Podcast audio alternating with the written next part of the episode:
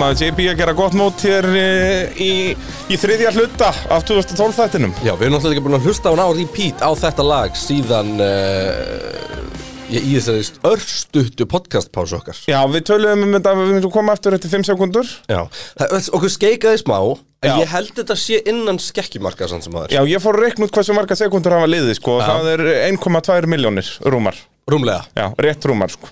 1,2 miljónir 9600 sekundur. En ég meina í nútíma heimi er það ekki innan skekkimarka Jú, þetta er fast moving world og hvað menn segja, sko. Nei, við útskýrum í, í eh, bandaríska þættinum af hverju var Já. töf á þessu en við erum mættir hér aftur til ásins 2012 Árið er 2000, nei ég segi svona Árið er 2012. Er það? Það er svo leiðis. Er það? Og uh, við vorum að klára að fjalla um uh, Singapur kapaksturinn. En svo er rúkslega gaman ef einhverju hlusta á okkur núna svona í dun-dun-dun, þú veist þetta fyrsta annan og svo tekur þriðja núna eða kannski hlusta á þetta eftir ár eftir kannski þú veist 20 miljón sekundur eða eitthvað Já. að þá sko það var alltaf allt annað hljóði okkur núna Hljóð. Ég við erum alltaf báðið búin að vera veikir í mildtíðinni Já, við erum báðir í úlpu Við erum hérna í Nóa Sirius ógeðslega stúdíóinu. kalt Já, það er náttúrulega komið frost líka Já en þú veist, hvað er ekki hægt að kynna með nógrafið Já, heyrðu, hvernig væri það? Skella nógu kroppi í veggina? Sko, ég endur oft pælt í að einangra hús með bökuðum kartöflum Þú veist, það er ekkert sem heldur hita lengur heldur en bökuð kartöfla Þú grillaði baka í gær og þú brenniði samt á tungunni þegar þú smakar hana. Sérstaklega þú setur ost í hana, sko, þá verður þetta, það er alveg sama. Þú mynd brenna gómin á þér Þannig ég bara pælt í því, þú veist, ef við myndum bara bara, bara tróða ógæslega mikið af bökuðum kartöflum minni veggina heitum náttúrulega já. þá þyrfti aldrei að kynna húsið aftur sko. Þetta er, er á- ákveðið sjátt. Þetta er lífrænt og eitthvað svona. Það er svolítið svoleiðis. Hérna, eigum við- að skella okkur beint í þetta? Jú, þetta er alltaf nýrkabli þannig að þurfum við ekki að minna fólk á uh, að fara í vinahóp Ólís Í hvernig væri það? kíkjun á Viaplay, það er fullt af stöfið þar.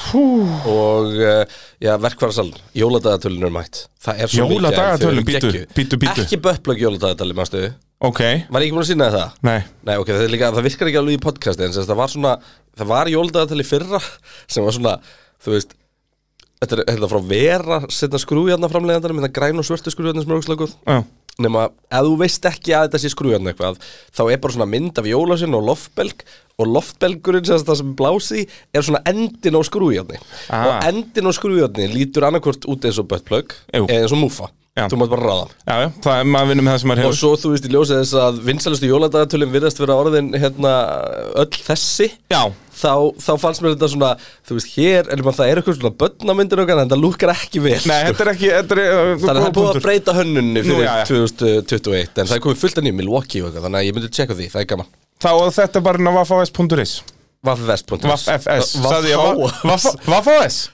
bing Þú er búin að vera að taka upp alla helgina. Ég segi það á Vaffavs Þú varst í Wales í, í að rannsaka 2012 tímbilið eða ekki? Heldur betur. Einhvern, lærður eitthvað? Um 2012 Formule 1 tímabilið í Landudno bænum í norðurhluta Wales. Já. Það gerði ég ekki. Nei, en þú veist, heiðarlega tilurinn Já, já, maður reynir, maður reynir bara eins og maður getur að- fara að- kynna sér, Þú veist, þú fann ekki Polti restar neinstar og Nú, bara nú, nú, Ég hann alltaf var líka á leiðin til Singapur, er það ekki? Jú, jú, Já. og við vorum alltaf að tala um Singapur og, Það var á leiðin frá Singapur, vorum við búin með Singapur? við vorum búið með Singapur alveg rétt. Það er staðan í heimsastarmótinu eins og staðan núna er þarna. Að Alonso leiðir með 194 stig uh, Sebastian Vettel er í öðru seti með 165 svo kemur Rækonen með 149 og uh, Hamilton 142 og náttúrulega Hamilton uh, var þarna frá að hverfa í Singapur og uh, já þá bara byrjuð við, já þá hef, hefjumst við handa Kristján uh, Tölum aðeins um um þetta hérna á milli Var Hamilton að stimpla sig út eftir Singapur með að falluleik? Já, Það var ennþá séns Já, já, hann- starffræðilega En hann þurft, það þurfti shit að gerast Alonso og Fettil hefði þetta að kera okkur náðan sko. Já, þetta var allavega, menn tölum um það að þetta væri, væri síðasti naglinn í líkistunni sko. Svona banabiti McLaren á þessu tímbili. Það er svolítið svoleiðis. Girkassabeilunin hjá Hamilton setur hann núna 52 stegum að eftir Alonso í staðins að vera 24 stegum að eftir honum og 9 stegum á undan Vettel. Það er því nokkuð ljóst að Hamilton nái ekki titlinum í ár þrátt fyrir að McLaren hafi byrjað tímabilið með besta bílinn. Yeah, I mean, we've had a great car to be able to compete for World Championship, and the fact that we're not is um, is very very tough for all of us to be able to deal with because we could absolutely easily, without reliability issues, be competing for a win. The, you know, the, the championship, both constructors uh, and drivers. Á föstudeginum eftir Singapur kappaksturinn dróð svo til tíðenda. It just became clear that I wanted to try something new. I wanted, I was going to go for it. And then I called Martin, uh, which was the tough, the hardest, one of the diff- most difficult uh, uh, call that I'd ever had to make. The Formula One racing driver Lewis Hamilton has left the British racing team McLaren and signed for their rivals Mercedes. It brings to an end the former world This champions. leaves a big question mark over the future of. Michael Schumacher, the man Hamilton's replacing at But at some point, it's good to say goodbye. And it might this time even be uh, forever. Lewis Hamilton sem hafði verið hjá McLaren frá 13 ára aldri gerði 30 ára samning við Mercedes sem að þýtti að Michael Schumacher þurfti að yfirgefa liðið. Núna loksins sem að hinn fertu í meistari var búinn að ná Nico Rosberg í hraða eða jafnvel tekið fram úr honum. Sergio Pérez var þá staðfestur hjá McLaren á næsta ári með Jenson Button og Massa uh, og Massa fekk framlengingu á sínum samning hjá Ferrari. Niki Lauda talaði við Martin Bröndul fyrir japanska kappaksturinn um komu Lewis Hamiltons til Mercedes á næsta ári. Yes, we're joined by Nicky Lauda. Nicky, you seem to be the key person in orchestrating the move of Lewis Hamilton from McLaren to Mercedes Benz. No, Ross Brown is the key person because he certainly did the negotiation. He signed the contract. I was aware of what's happening because this week I'm the chairman of the board of Mercedes. I'm overlooking from the board level uh, the, the Mercedes race team. I was informed about what's happening. This is true. Uh, but the key person in the end was Ross. But rumour has it that you went to speak with Lewis in his room and, and because you thought this was the right move for him. No, the only reason I explained to him, because this is the question he wanted to ask me, uh, why should I leave a very competitive car and go in the moment in a less competitive car? So all I said to him, I got famous because I burned my ear off in front of everybody. But if you move from one car to the other, or from one team to the other, there's more challenge. There's a new challenge. You've been since 12 years with McLaren forever, and I think it's always good, like in any other job, to change and start all over again with a new motivation, with new people and different people. And I think in the end, I mean, the decision was his, without me saying, but in the end, maybe he thought like this. Do you not think it might have been better to stay at McLaren for another another turn and, and then maybe when he's 30 years old or 32 he could go and have the experience uh, to, to build in a team? Or you, you think he's ready now, do you, to go and really help build Mercedes into domination? I think he's ready anytime to go anywhere because, uh, as you know, he's for me he's one of the quickest guys around. There's no question. He's brutal. He's quick. He knows to drive Formula One in any kind of extremes. So more you can't expect. So and if he's looking for a new challenge by Mercedes, there is certainly a new challenge because, as you just mentioned, he needs to build the car, the team, the people, and every, everything together. I think it's good for him. And if it doesn't work out, what will you say to him? Um, if it doesn't work out, this is always the same risk. You've been driving, I've been driving. Sometimes you choose a car, it works. Sometimes you don't choose a car, which does not work. So these things can happen. I think they're in Formula One normal. Já, heldur betur stóra fréttir þarna að Nú Hamilton fer frá liði sem að byrja tímabilið með besta bílinn Nú ætlum ég, að fá að lega mér að vera aðeins svona tímaflækari Mm. Þegar þessar fréttir komu 2012 heldur að vera einhver annar en Ross Braun, Nicky Lauda og Lewis Hamilton sem sá fyrir sér möguleikann sem að var fyrir fram á.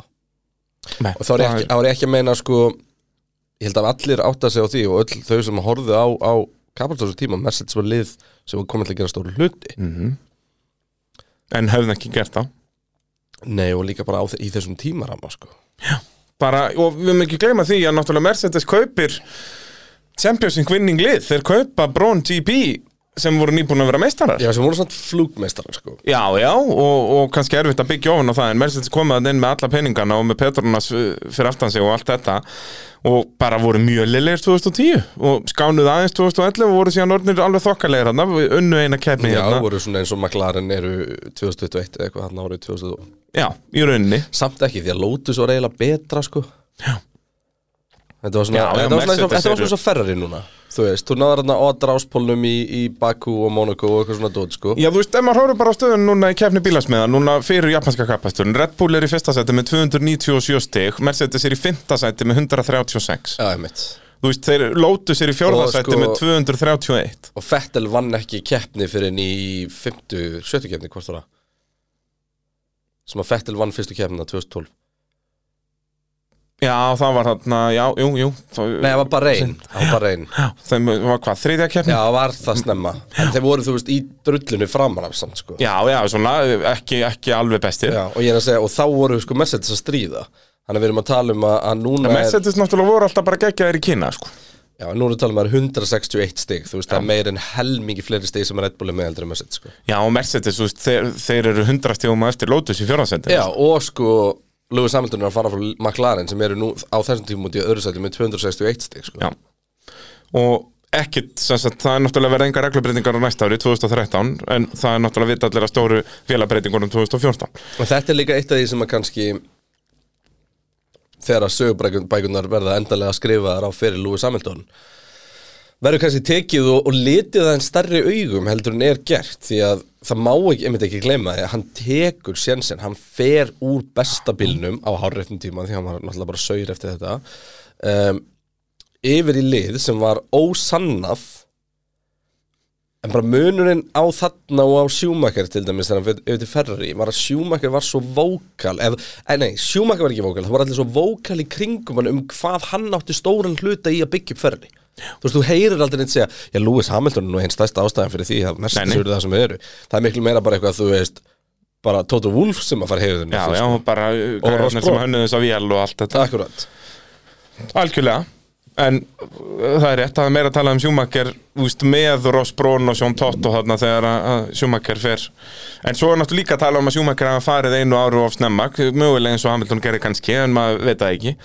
Þú veist, út af Benetton bílinn með Schumacher hafði leikand voru meistari 96 Já, hurðin var ekkert enn lopin árið sinna.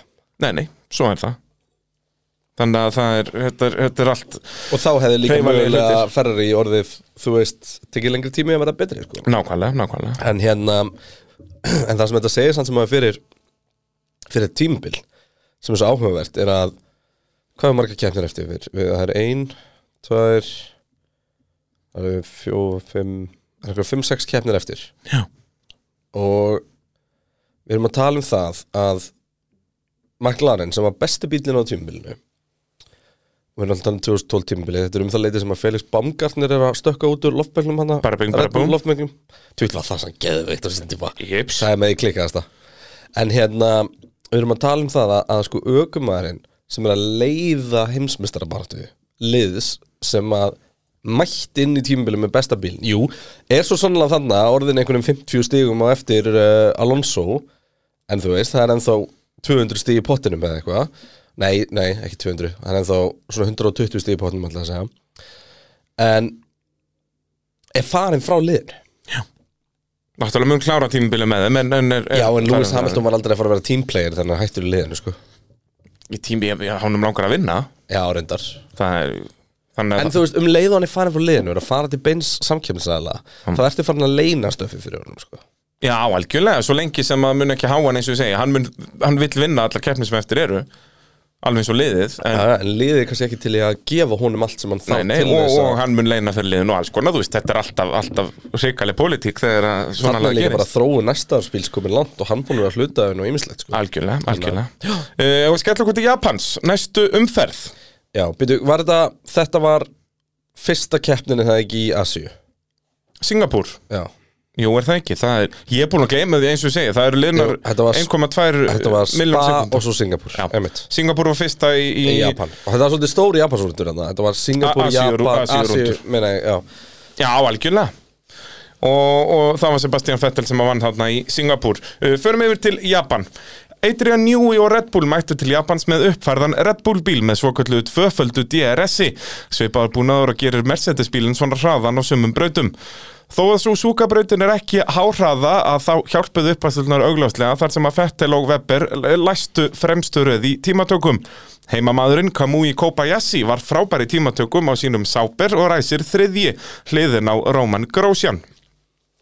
Fettel fer vel af staðin, Webber er strax komin á eftir Kamui en heldur Grósjan fyrir aftan sig.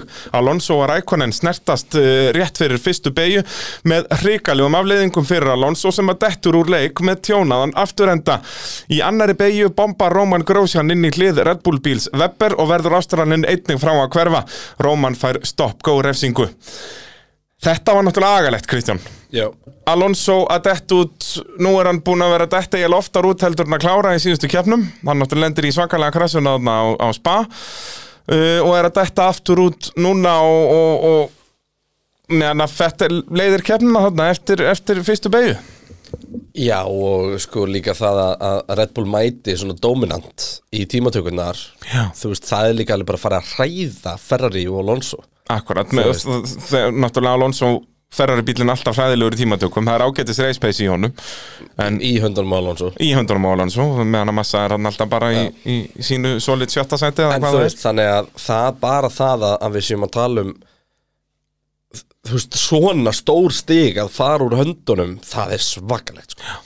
og Róman Grósjan mættur aftur bombar hann á, á Weber Já, Weber sagði, ég því miður ekki með viðtalsbútin en hann Já. sagði það eftir þessa keppni að við ættum að hafa tvö stört, eitt fyrir Róman og eitt fyrir okkur hinna. Já, þetta, og það voru allir þú veist, hann var það voru náttúrulega tvö svona wildcard á grittinu, þannig að Maldonado og Grósjan veist, og það var bara svo Grósjan bara fattaði ekki bremsinu fyrstu þarna er alltaf. Grósjan nýbúin að vera í banni skilu, hann náttúrulega fekk bann eftir spata Já, hann fór alltaf inn í fyrstu byrju eins og hann væri á veist, það var ekkert verið að bremsa að fyrir spila eða 20 F1 mínútur hring. 2021 bara, veist bara þannig sem þú ert að spila F1 2021? Já, já, einhverju góðu online lobby bara og þeir skýt saman allt og alla sko.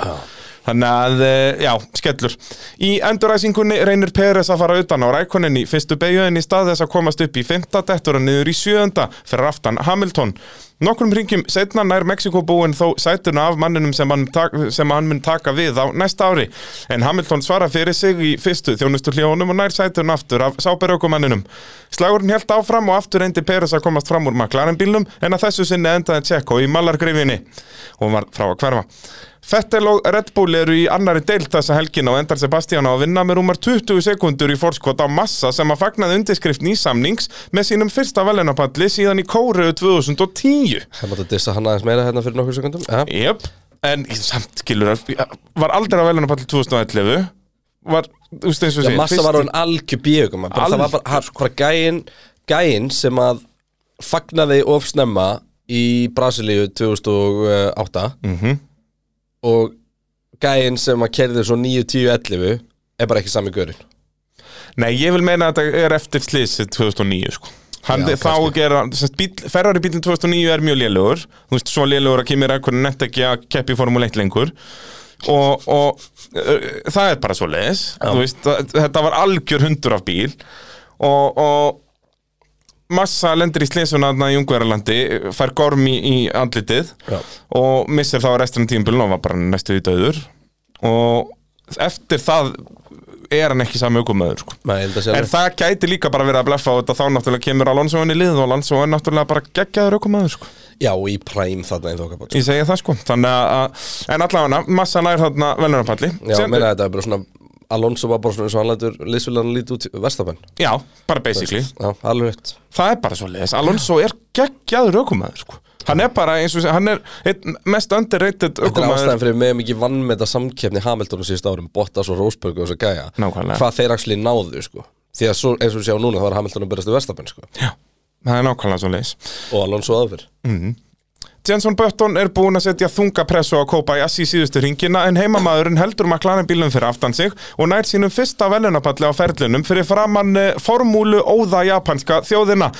Magnaður árangur og fjórði velunapallur sábæra tímabilinu staðreind. Japanska þjóðin hefur þurft að býða, hefur þurft að býða í 22 ár eftir að sjá japanskan aukuþóra á velunapalli í Japan.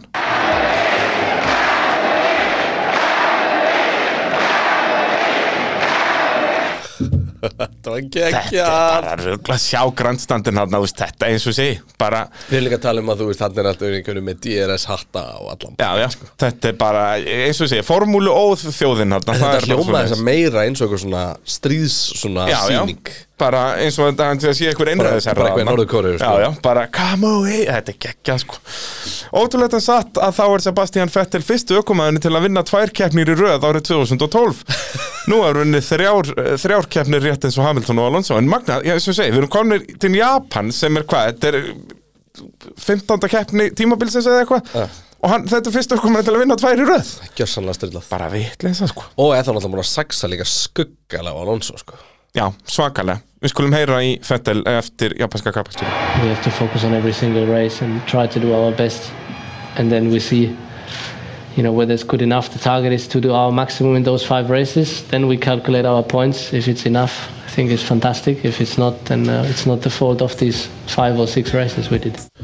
Já, þá er þetta farið að líta ansi vel út fyrir Fettel staðan í heimsvæstaramótinu Alonso, já ennþá með sín 194 stig uh, Fettel með 190 hann er komið núna bara fjórum stigum á eftir uh, Alonso og, og í rauninni núna er þetta bara alveg í höndunum á þeim báðum skilur, þetta voru náttúrulega, hann er að tapa hann 25 stigum Alonso í slagnum eftir að hafa dottið út hann í fyrstu begi Svo kemur, kemur Rækonen með 157, uh, Hamilton uh, 152, Hamilton endaði náttúrulega bara sjötti eða eitthvað þarna í þessari kefni og uh, svo er það Webber sem er í 5. seti með 132 stig og er í rauninni dottinn út úr slagnum rétt eins og Hamilton. Þetta er, er núna alveg orðið ljóst að þetta er tveggja hesta kefni, Alonso og Fettel fjögur stig á millið þeirra, Red Bull komin í mjög góða stöðu í kefni bílasmiða með 324 stig á móti 283 stigum McLaren. Þannig að, eh, já, núna er þetta alveg Asi, Asi er að fara vel með Fettel. Já, búin að vinna tvær í röð í Asíu Þannig að lítur ágætlu út En, en náttúrulega Alonso bara búin að vera geggja óheppin Að lenda hann að sem stettur út í fyrstu beig Ekkit honum að kenna, það er bara kert á hann. Þannig Já, að ég minna það, algjörlega. Og núna tvisvar. Ég segi það. Og, og fyrir viki, já, komin í fjögur stig hann á milliðra þegar við förum til Kóreu sem er nú uh, braut sem að uh, já, gott ef þetta var ekki bara í síðasta skiptum við að kefti í Kóreu. Ég man það ekki, var keftar 2013 ég held að það var Indland sem var kefti 2013 ég held að þetta er síðasta keftin sem var haldin í Kóreu. Það var ekki 2013 sem að uh, Fettel var að neyja sig fyrir bílunum sinum á ráslínunum í Índlandi þegar var hinsmestri Var það 2000 var það ég, ekki ég held að það sé 13 en hérna uh, já, Kó, uh, Kóreu og þetta er alveg stór einkennilega braut út og hún var smíðuð eitthvað var lengst út í raskati í þeirra vorna síðan er þið byggt hverfi bara heil stórborg í kring. En það var aldrei gert. Já, þannig að brautin væri ennþá bara og þetta er ennþá svo lýsið það, þú skoður þetta á Google Maps brautin, þetta er bara bara ein braut lengst út í raskati í Kóru Já. Uh, Ég get sagt ykkur það að, sagt, Ég þekkti svolítið af, af strákum sem voru að vinna í kringu formúluna Já. Var fyrst ekki 2011 í Kóru, Já, það var jú 10. eða 2010 Já. Ég, er, að tala um eftir fyrstu kefna um, Ég man alltaf að Red Bull voru geðvikir í fyrstu kefni Þannig að þetta er um 2010-11 En hérna, sko Það sem að uh, eins og segir, það var ekkert annað og síðan mæta bara liðin og það er búið að græja hótel fyrir liðin fyrirfram. Nema þessi hótel eru öll alveg grunnsanlega furðuleg. Þetta eru bara svona venjuleg hús með ógeisla mikið af Söfnbergjum og hérna það sem komið ljós var sérst að mjög stór hluti greinlega hérna er það eitthvað, eitthvað þeng á þessu svæði mjög stór hluti af hótelunum og ég er að gera svona, þú veist innan, innan lampa gæsalappa hótelunum voru sérst vændishús sem var búið að Ah. sem var bara búið að eh, svona gera örlítið meira fancy ég er ekkert búið að gera meira fansi og bara, bara rúm inn í herbyggjum og slutta sko. og þar gistu liðin sko. Mm. Já, en, og þetta er eitthvað sem var þá sem sagt það var einu, annað. einu húsin það, sem það já. er ekkert annað. þetta er inn á middle of nowhere Já, sko. já, þetta er bara í þetta er alveg sveit, cool braut já. nefnilega sko. Já, já, þetta er Herman Tilke braut, hipp og cool, sko. Uh, já, við erum komið til Kóru. Uppastljóðnar sem að eh, Adrian Newey kom með til Japan að halda áfram að sanna sig og Red Bull ræsa aftur á fremstu röð. Nú er það Webber á undan Vettel með Hamilton og Alonso á annari röð. An annari röð. Alonso fjórði í tímatökum sem er nú bara ágættis árangur á þessum Ferrari. Já. Nú þarf Alonso að ná Fettel og halda honum fyrir aftan sig til að halda fórustunni heimsastaramótinu. Topp fjórir að halda sætunum sínum í gegnum fyrstu beigju en á langa beinakablanum að þriðju beigju kemst Fettel fram úr liðsfélaganum. Alonso sér þetta, vitandi að hann má ekki missa Fettel frá sér, gera hann allu að maklarinn bíl Hamilton og kemst fram úr á bremsukablanum fyrir þriðju beigju. Þar fyrir aftan klessir hetjan frá Japan Kamui Kobayashi aftan á Jenson Button og Nico Rosberg og þeir detta allir út. Sergio Pérez var fyrir aftan á alla og nýtti sér atviki til að vinna upp sæti eins og honum einu með lagið. Hversu oft höfum við sagt þetta á þessu tímabili? Fyrir fyrstu pitstop eru dekkin á bíl Hamilton mun meira slitin en þau eru undir Ferrari bíl Massa. Brasiljumæðurinn nýtir sér þetta og tekur fjórðasætið af Lewis.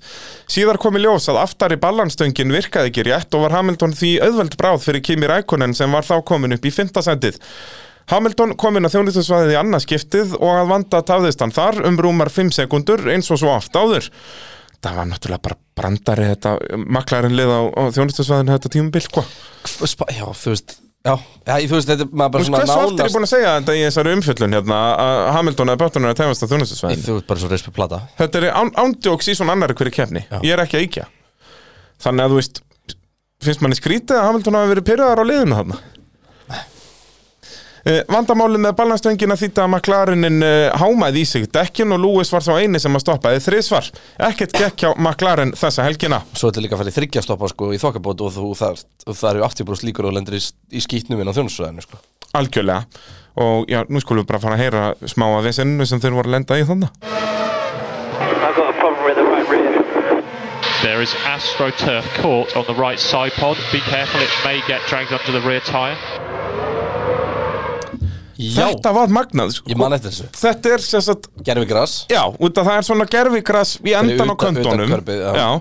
Og þetta festist í karbonin í hliður, sem sagt í gólfinu, hliðargólfinu á bílnum. sem er og, náttúrulega líka alltaf rifflað og eitthvað svona dót Já, þannig að já. það er alveg bara að bjóða upp á það og hann klára keppnina bara með svona grænt astrotörf bara veifandi fyrir aftar, þú veist. Það var þetta alltaf að býðast til líka að myndi ná að lemja snæðilega fast ítla bara mölbrjóta gólfið sko Já, já, en þetta einhvern veginn slapp en náttúrulega Hamilton kláraði En, mjög sko, aftan að hann. en við að tala um að tæknin er bara komin svo langt fram árið 2012 Þú veist, það var verið að lonsa iPhone 5 Já. Það var að koma nýð iPod Touch. Var að koma nýr iPod og, Touch. og sko iPod Nanoin var sterkur. Já, auðvitað maður, hver er haft allir eitt svoleiðis. Það er nákvæmlega svoleiðis. Uh, Rapparinn Sæ fekk að prófa nýjar reyfingar er hann veifaði köflótta flagginu og var það Sebastian Vettel sem að náði enn öðrum sigrinum PSI Heldur Petur Wumba Gangnam Style. Hann var að veifa flagginu hann Getur við fengið Wumba Gangnam Style. Betta meðan við klárum þetta? Boom. Wumba Gangnam Style. Gangnam Style. Wumba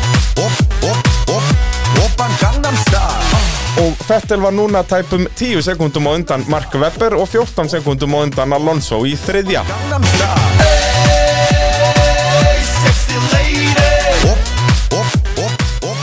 Changed. Obviously, we had a good of uh, good couple of last races, but um, I think if you look at the, if you look at the season so far, it was up and down for all of us, up and down for ourselves as well. So we had races we enjoyed, we had races we didn't enjoy, we had successful races, not successful races. So yeah, I think uh, the last couple of races it was key, you know, to to do our thing, and um, yeah, nothing came in our our our way. So. Uh, we have to, you know, try and keep that momentum and uh, try to do exactly the same in the next next couple of races. Já, þrýr sigrar í röð Vettel búinn að vinna allar Asíukjarnar og er hann því komið núna í fyrsta setið í heimsöndarabundinu Whoopa Gangnam Style Þú ert orðin peppaður, Já, hér ég vil fara að hlusta þetta meira Já, sko. okkar maður sæ, sko, hversu mikið 2012 er þetta? Maður, Ja, bara, þetta Ég er mann held aftur þetta væri bara svona 2012 fjár ára gammal sko.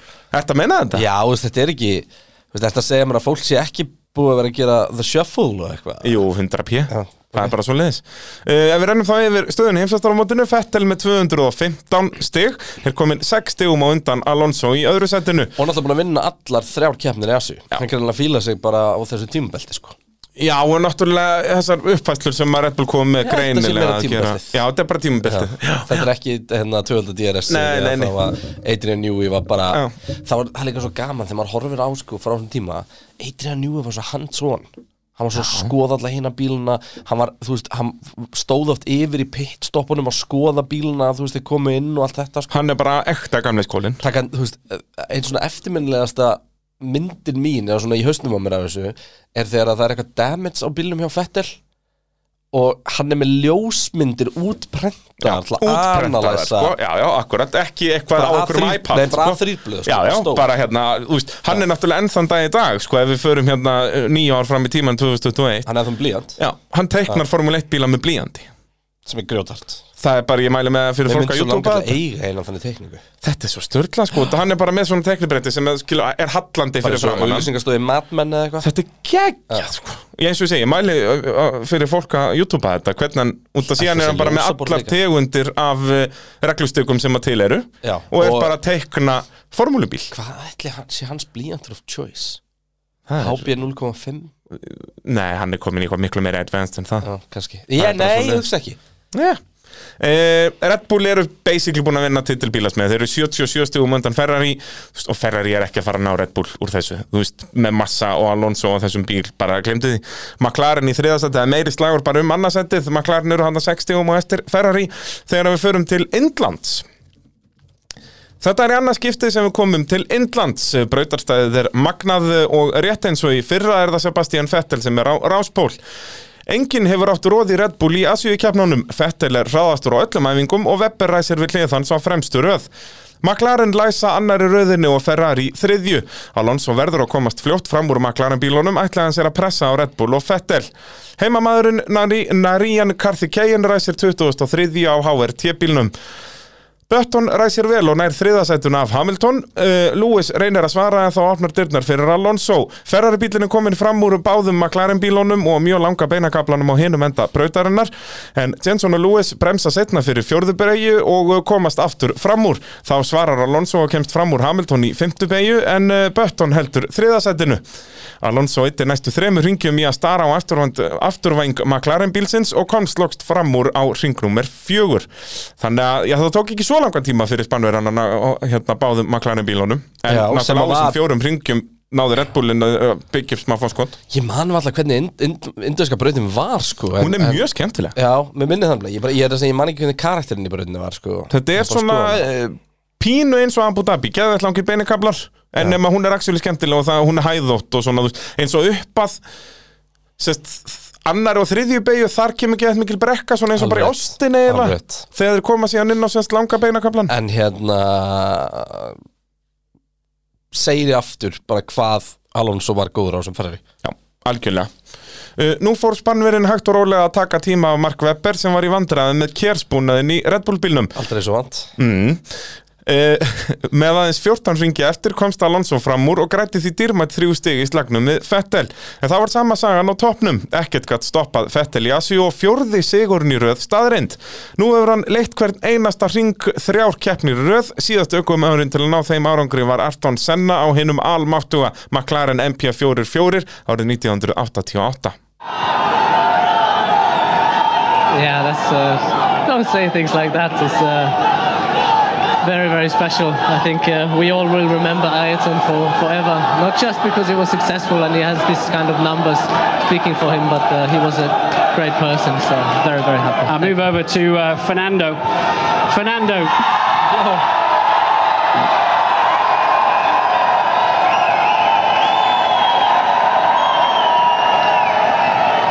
Do you do you ever ever give up? You're relentless. No, obviously it's not easy at the moment to fight uh, with uh, Red Bull, but um, uh, we will never give up. And I think uh, we are happy today. We have to congratulate them. They were uh, fantastic this weekend. So well done, uh, Red Bull. Well, well done, Sebastian. But yeah, we want to be happy and we want to enjoy in Brazil, not only here. So I'm sure we will do it. Já, þarna græður uh, Fettel önnur sjö stig á uh, Alonso. Þannig að uh, já, Fettel núna kom með 240 stig Alonso með 227 og nú er þetta bara að fara að líta illa út fyrir Alonso, bara tvær kefnir eftir það er bara Abu Dhabi og Brasilia. Já, formið á Fettil náttúrulega bara í rugglinu sko. eins og segja, búin að vinna allar Asíukefninar Tjúvill erum við tussulegir hérna? Við erum er svolítið tussulegir. Hérna. Já, Þú það er- merrandi á bakvið hæri vinstri. það verður eitthvað að vera í þessu. Ég við erum að leggja þetta á okkur fyrir ykkur nákvæmlega, nákvæmlega Við erum hérna að leggja, leggja okkur í hættu við að koma hérna í stúdíóið Það er svo leiðis uh, Red Bull uh, Ég held að þeir séu ekki komni með titilin Nei, þeir eru svo gott sem konum Þeir eru með. 407 og 316 þú Þeir eru en- 90 stig skilur Já, 91 stig. Þeir voru þannig fyrsta og þriðja skilur Alonso, en Alonso dýrmætt samt þrjú stygg sem hann nær við að komast fram úr Webber hérna á síðustu ringjónum Já, en uh, sko munur náttúrulega á Ferrari og McLaren er ennþá bara 10 stig sko. Já, já, þeir eru bara í hörkuslega mannasetti. Lotus virðast vera uh, fastir í fjörða, eru með 263 stygg og Spáði hvað Mercedes Lotus hefði geta gert í þessu heimsmestramóti ef að Grósan hefði ekki bara verið að bomba á alla hægri vinstri? Já. Það reynda að kosta alla hérna stig líka. Vissulega, þetta er svona eins og við Bottas Ungverjalandi núna Já, 2021 Það var svona, það var net Já, þar. Það er, það er svolítið svo leiðis og náttúrulega Grósjan var líka alveg hann átti ég En þú veist En jú, já, þeir hefur bara verið með tvo kýmir rækonina skiluru Já. Að- Algjörlega, og ég minna ef að Ferrari hefur verið með tvo Alonso það er alltaf auðvelt að segja þetta. Þá hefði Ferrari verið í toppmálum. En uh, það, er ekki, það er ekki alltaf svo leiðis uh, þá ætlum við til Abu Dhabi næst síðasta keppnin. Öll augu voru á Fernando Alonso og Sebastian Vettel í Abu Dhabi. Tímatökundar halda áfram að vera arkilesar hæll Ferrari og verður Alonso að sætta sig við sjöunda sæti í tímatökum þrátt fyrir nokkrar uppfæslur á Ferrari bílnum Eina hugunin er að Vettel er bara þriðja á eftir Webber og Hamilton en ekki er allt með feldu hjá Red Bull og verður Vettel að stöðva bílinn á útrygnum í Q3 Stop the car, stop the car. I mean, that night uh, we, we were waiting to see what was going on. I mean, it was very long to understand there was no fuel in the car. but anyway, I don't want to, you know, you understand what I mean. Sebastian Vettel's been demoted to the back of the grid for a fuel irregularity. Sebastian Vettel starting from the pit lane. Yeah, for sure it was a big hit because you know the championship is closing in and there's less and less races to you know may, maybe make up for things like that happening. No, it was tough, but we took a strategic decision to say, okay, we're starting from the back. Let's withdraw the car from the grid and therefore out of part firming, make a few little changes because if we're going to overtake, you know, we're going to maybe need to take a bit of wing off the car. In the end of the day, you know, I think it was a strong point for us to see the opportunities we had rather than always thinking what would be if get on with it and focus on, on the race. Þetta er náttúrulega ríkalegt fyrir Fettel hérna Líka af öllum brautum Já, Já, og í Abu Dhabi sko. já.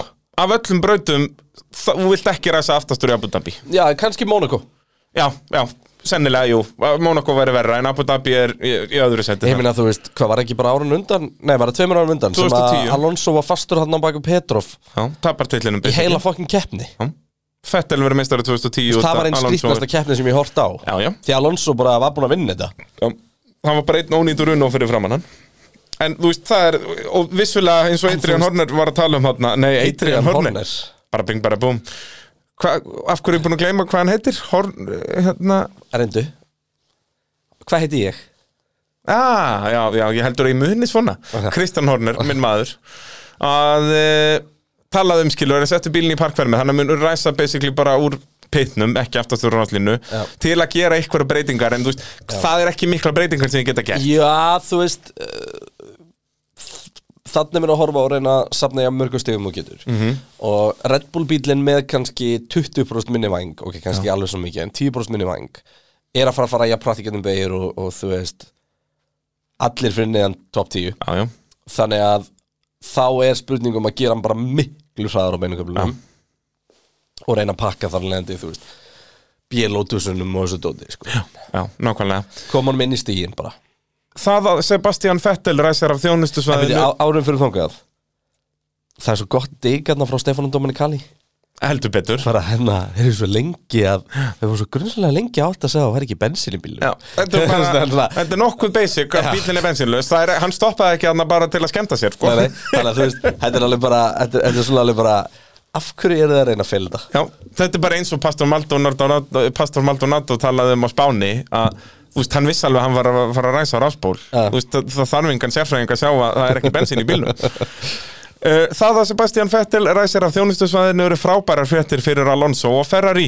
Fernando veit að manna best hverfitt er að taka fram úr á Jasmarínabrautin eftir að hafa mistað titlinum hér árið 2010. Ljósin slökna í kvöldsólinni og enn og aftur ræsir Webber illa. Rækonin er, er, er, er fljúandi á lótusnum og er komin upp í annarsætið. Alonso þurfti á góðri ræsingu að halda og að sjálfsögðu fór spannverinn vel af stað og var komin upp í fjórða sætið eftir fyrsta ring. Og hvað, hann ræsti sjöundi? Já. eða sjötti náttúrulega fyrir upp um eitt sæti þegar Fettel fyrir niður uh, talsvert mörg atvik átti þessu stað á fyrsta ring og þurftu nokkru bílar á viðgerðum að halda fyrir vikið var Fettel komin upp í 17. sætið á ring 2 og gerðu allir að Williams bíl Bruno Senna þeir skella saman vinstra afturhjól Senna fer yfir framvangin á Red Bull bílnum Sebastian, there is damage on your right hand side. We can see it. It's up to you if you want to pit. We're ready for you. Fettel ákveður að halda sér út á brautinni en með tjónaðan framvengingur illa að taka fram úr. Nico Rosberg er búinn að stoppa en, en framúrakstur á Nareyen Karthikeyen fer illa og flýgur Mercedes-bílinn yfir HRT-bílinn og báðir þetta út. Rosberg heppin að lenda á hjólunum. Þetta var náttúrulega bara eitt stærsta krass tímabilsins, svona fyrir utan spa kannski. Já, eða sko, þetta var náttúrulega ekki á svo miklu hraða Já, nógu mikið samt hann stekkur yfir. Já. Þetta er svona eins og Ralf Schumacher og Barrichello í Ástralíu 2001 Já, en samt einhvern veginn svona blandað við Hulkenberg í Abu Dhabi líka Já, en samt, já, er samt meiri hrað, þú veist eins og segja Rosberg hann hefur endar í hraðan í að og fara það, sko. yfir HRT-bílinn, skilur, hann keirir yfir bílinn. Já, sem er samt eiginlega bara nána stopp einhvern veginn, sko. Já, Karthi Kein var í vélavandræðum. Já, alveg rétt. Sest, vélinas var bara að bila akkurat þarna og Rosberg náttúrulega fatta það ekki Hljómar og, er svona krass sem ég kannast því, já Já, það var ótrúlegt að satt. Uh, Ekki skánað ástandið hjá Fettel fyrir aftan öryggisbílinn. What is he doing? He's stopping all the time. I hit the front wing. I hit the DRS sign. So check the front wing, please. Þetta var stór magna, þetta er bara langa beinakablanum Já. og hann er bara að hita dekkinu og eitthvað, ég held að Bruno Senna eða eitthvað sig fyrir framann hann og uh, svona hálfpartin breykt tjekkar hann og, eða, og Vettel er náttúrulega líka bara aðeins og nálægt honum og hann bombar á sem sagt bara svona uh, Styrofoam svona DRS, já, svona DRS-skilti, já, og brýtur þá enn meira bara. Já, núna er rauninni ekkert af vangjum eftir á framvingnum, það er bara baseplatan platan, já. Þannig að- að lítur ekki sérstaklega vel út. Nei. Eftir að hafa keirt á foam DRS-skiltið braut hann hinn helmingin af framvagnum og verður núna að koma inn að skipta. Eftir framvangja skiptin er hann aftur komin niður í síðasta setið En ef honum tekst að láta dekkin endast getur hann keirt til enda Hamilton er búinn að vera hraður alla helgina og heldur fyrsta sætinu í enduræsingunni á undan Rækonin, Maldonado og Alonso. Hann byrjar að búa sér til bil þegar að þetta gerist.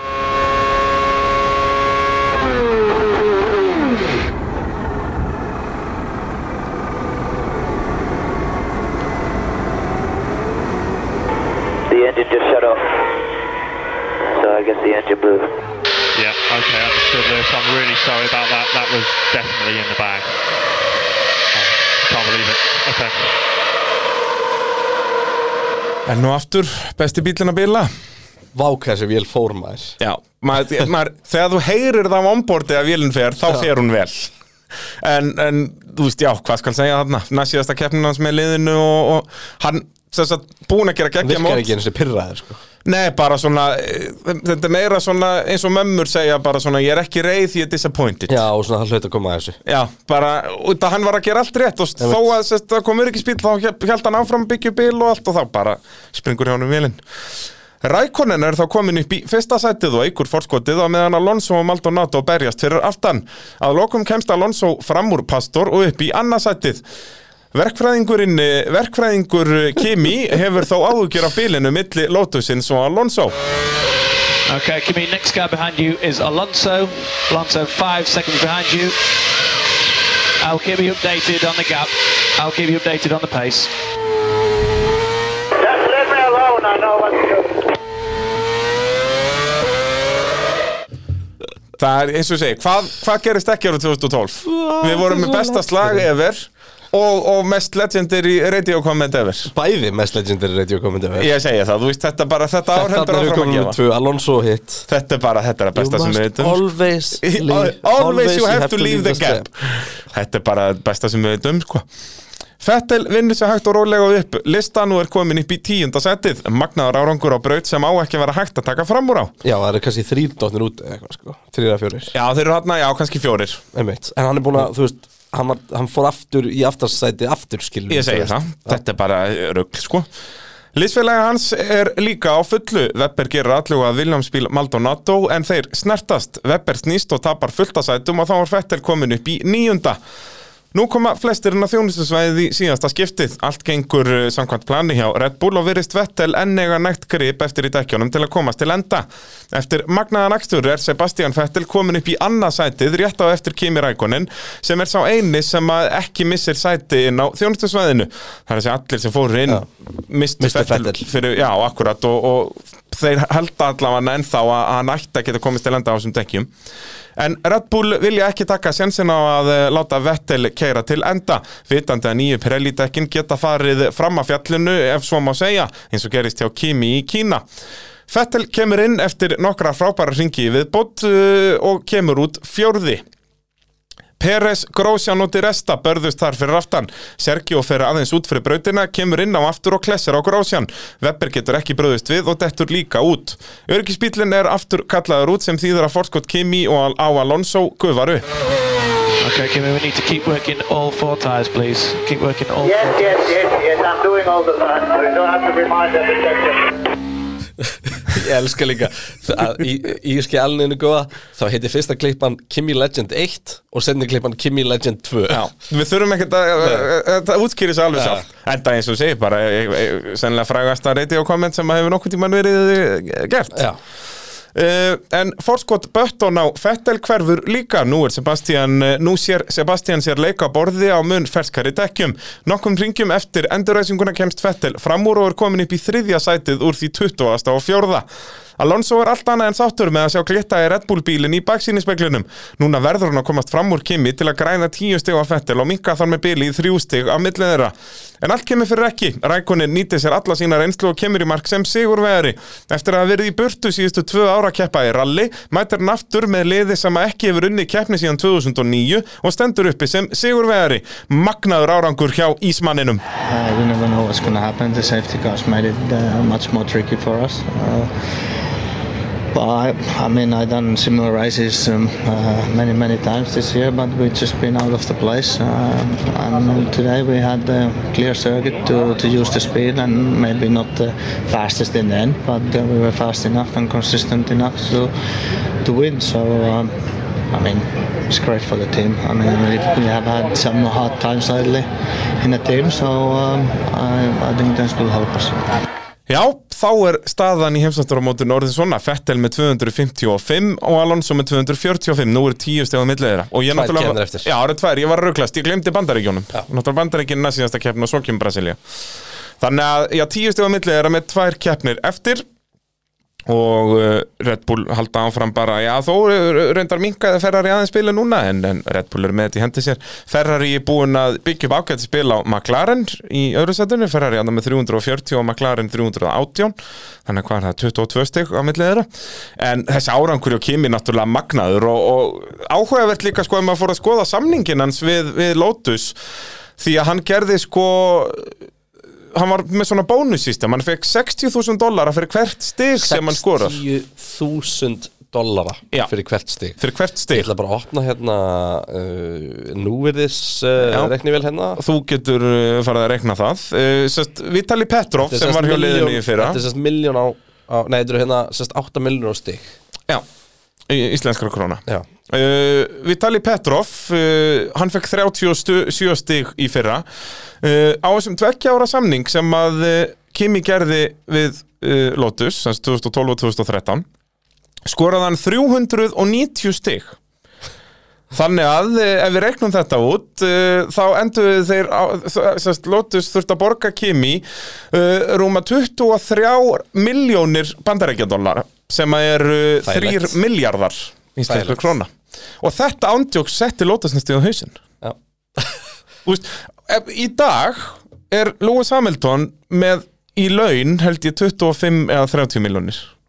Þetta voru bónusgreiðslunarnas Kimi sem voru 23 miljónir Síðan er hann ábygglu ofan að þetta svona með kannski líka 15 ekki, þú miljónir þetta þetta er fjórum árum eftir allseims efnahagsafrunni í Ég segi það sko.